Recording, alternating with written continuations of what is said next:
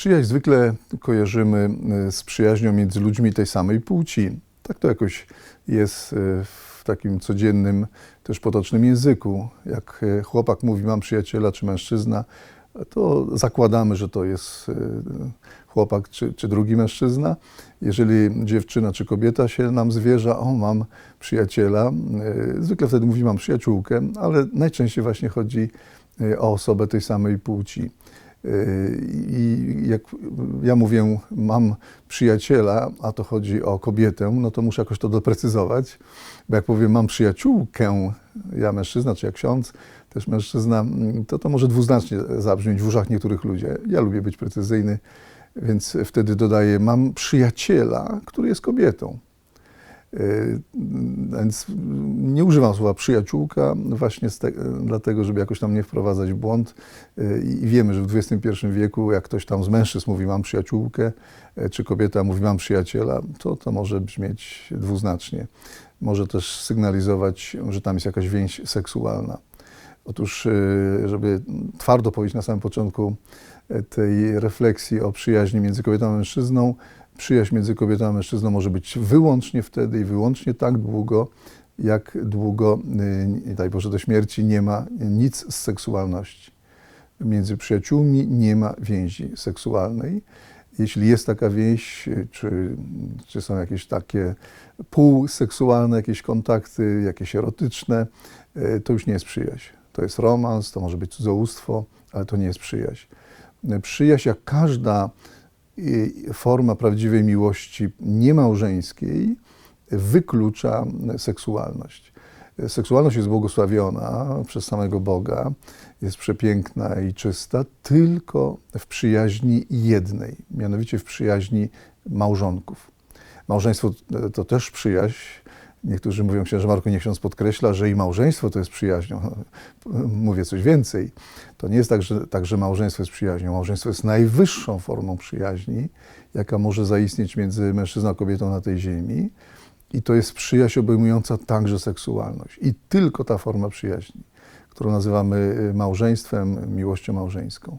We wszystkich innych formach przyjaźni, chętnie to powtórzę, to jest śmiertelnie ważne, y, seksualność jest wykluczona albo jesteśmy przyjaciółmi, albo jeśli jest w cudzysłowie coś więcej, to jest coś mniej niż coś więcej, ale tak się mówi, coś więcej między nami e, w kontekście tym, że, czy w domyśle, że jest jakieś tam bawienie się erotyczne, czy wręcz współżycie, to koniec z przyjaźnią. To jest, chcę jeszcze raz twardo powiedzieć językiem Jezusa, to jest cudzołóstwo, to jest wyuzdanie, e, to jest zdradzanie swojego powołania. E, jeśli ksiądz z kimś współżyje, czy mąż, żona, małżonek współżyje z kimś trzecim, czy narzeczeni współżyją, czy, czy tak zwani partnerzy, jeszcze nawet nie będący narzeczonymi, nie mający zamiaru, to nie jest przyjaźń, to jest cudzołóstwo. Nie mylmy czegoś przepięknego, mianowicie przyjaźni, z czymś strasznym, co ma straszne konsekwencje i fizyczne, i psychiczne, i duchowe, i moralne, i społeczne, mianowicie e, cudzołóstwo. E, jeżeli ktoś mówi, proszę księdza, mam przyjaciela, y, jakaś kobieta, y, mam przyjaciela, no i nie ukrywam, proszę księdza, no czasami się spotykamy także, żeby współżyć. No to nie jest twój przyjaciel, droga kobieto. To jest człowiek, który ciebie krzywdzi. To jest człowiek, z, tym, z którym ty sama siebie krzywdzisz. Nie nazywaj tego przyjaźnią. Przyjaciel nie krzywdzi. Jedna ze studentek opowiadała mi o tym, że jej mama y, miała męża alkoholika, który odszedł, no właśnie nie odszedł, tylko ona się przed nim, ta mama skutecznie broniła, przy okazji broniąc swoją córkę przed straszliwymi stresami, które powodował tata. No i mówi, proszę księdza, teraz jestem studentką, już tata od paru lat mieszka gdzieś indziej, bo mama to wyegzekwowała i słusznie, i ksiądz Marek sam to mówi, tak, potwierdzam, trzeba się bronić przed krzywdzicielem, choćby to był własny mąż czy własna żona. No ale proszę księdza, w międzyczasie pojawi się inny mężczyzna i moja mama zaczyna się z nim wiązać. Jeszcze nie mieszkają razem, ale już mają zamiar.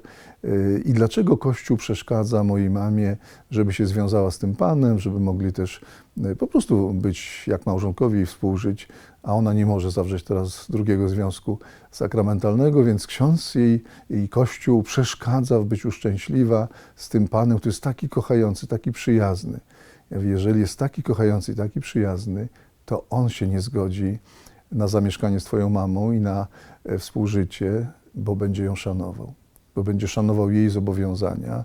To, że przed Bogiem, przed mężem ślubowała miłość, wierność, uczciwość i że e, nie zwiąże się z kimś innym. E, Także kiedy jej mąż, jak w tym przypadku, łamie swoją przysięgę, to jej nie daje prawa do łamania swojej.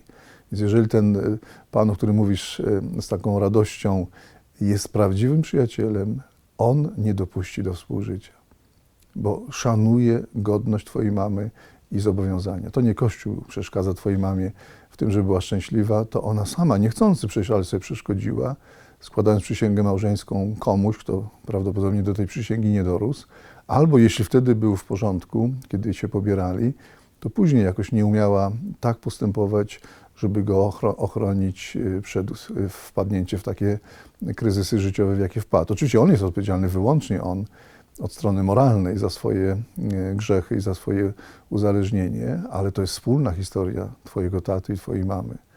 To nie jest decyzja Kościoła, to nie Kościół kazał być Twojej mamie nieszczęśliwy z Twoim tatą. To Twój tata do tego doprowadził. Może mama też mogła w jakichś fazach życia małżeńskiego lepiej reagować. Nieraz pada pytanie ze strony alumnów, czy księży, księże Marku, a czy między klerykiem albo księdzem jest możliwa taka czysta przyjaźń e, z dziewczyną, między klerykiem a księdzem, e, między klerykiem a dziewczyną, czy między księdzem a, a kobietą. Wtedy się uśmiecham i mówię, no jest to możliwe, tak jak jest możliwe, że ktoś z ludzi skacze o tytce 6 metrów i 2 centymetry. No jest kilka osób na świecie, które tyle skacze. E, A więc to jest, mówiąc z uśmiechem, tylko dla orłów.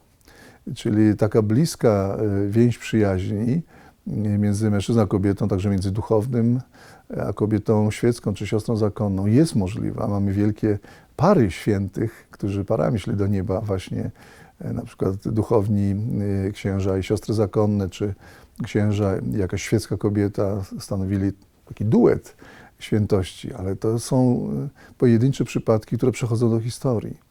Więc mówię, jeżeli ty jesteś na przykład, drogi księże, niesłychanie kochający całą parafię, wszystkich parafian, ofiarny, uczciwy, serdeczny, mm, do wszystkich, których spotykasz i spotykasz jakąś kobietę, która jest e, szczęśliwą żoną, mamą, e, bardzo kochającą i bardzo kochaną, to, to jeżeli te wszystkie warunki spełniacie, to możecie się jakoś wspierać. Spotykałem czasami, no, e, jeśli ona jest, ma rodzinę, to z całą jej rodziną, nie tylko z nią, nie ma nic do ukrycia, a zwłaszcza przed mężem, to przynajmniej z mężem, jeśli nie z dziećmi, jeśli chcecie jakieś poważne tematy poruszać, to może być e, z jej mężem, ale nie we dwójkę, bo, bo ona już nie może być sama, bo ślubowała, że jest jednością z mężem, więc żeby było jasne. Więc możecie stanowić wielką parę przyjaciół, y, natomiast musicie najpierw ona i ty być niezwykłymi świętymi. Przyjaźń między mężczyzną a kobietą jest możliwa taka czysta, wierna, wspierająca się wzajemnie tylko między świętymi ludźmi.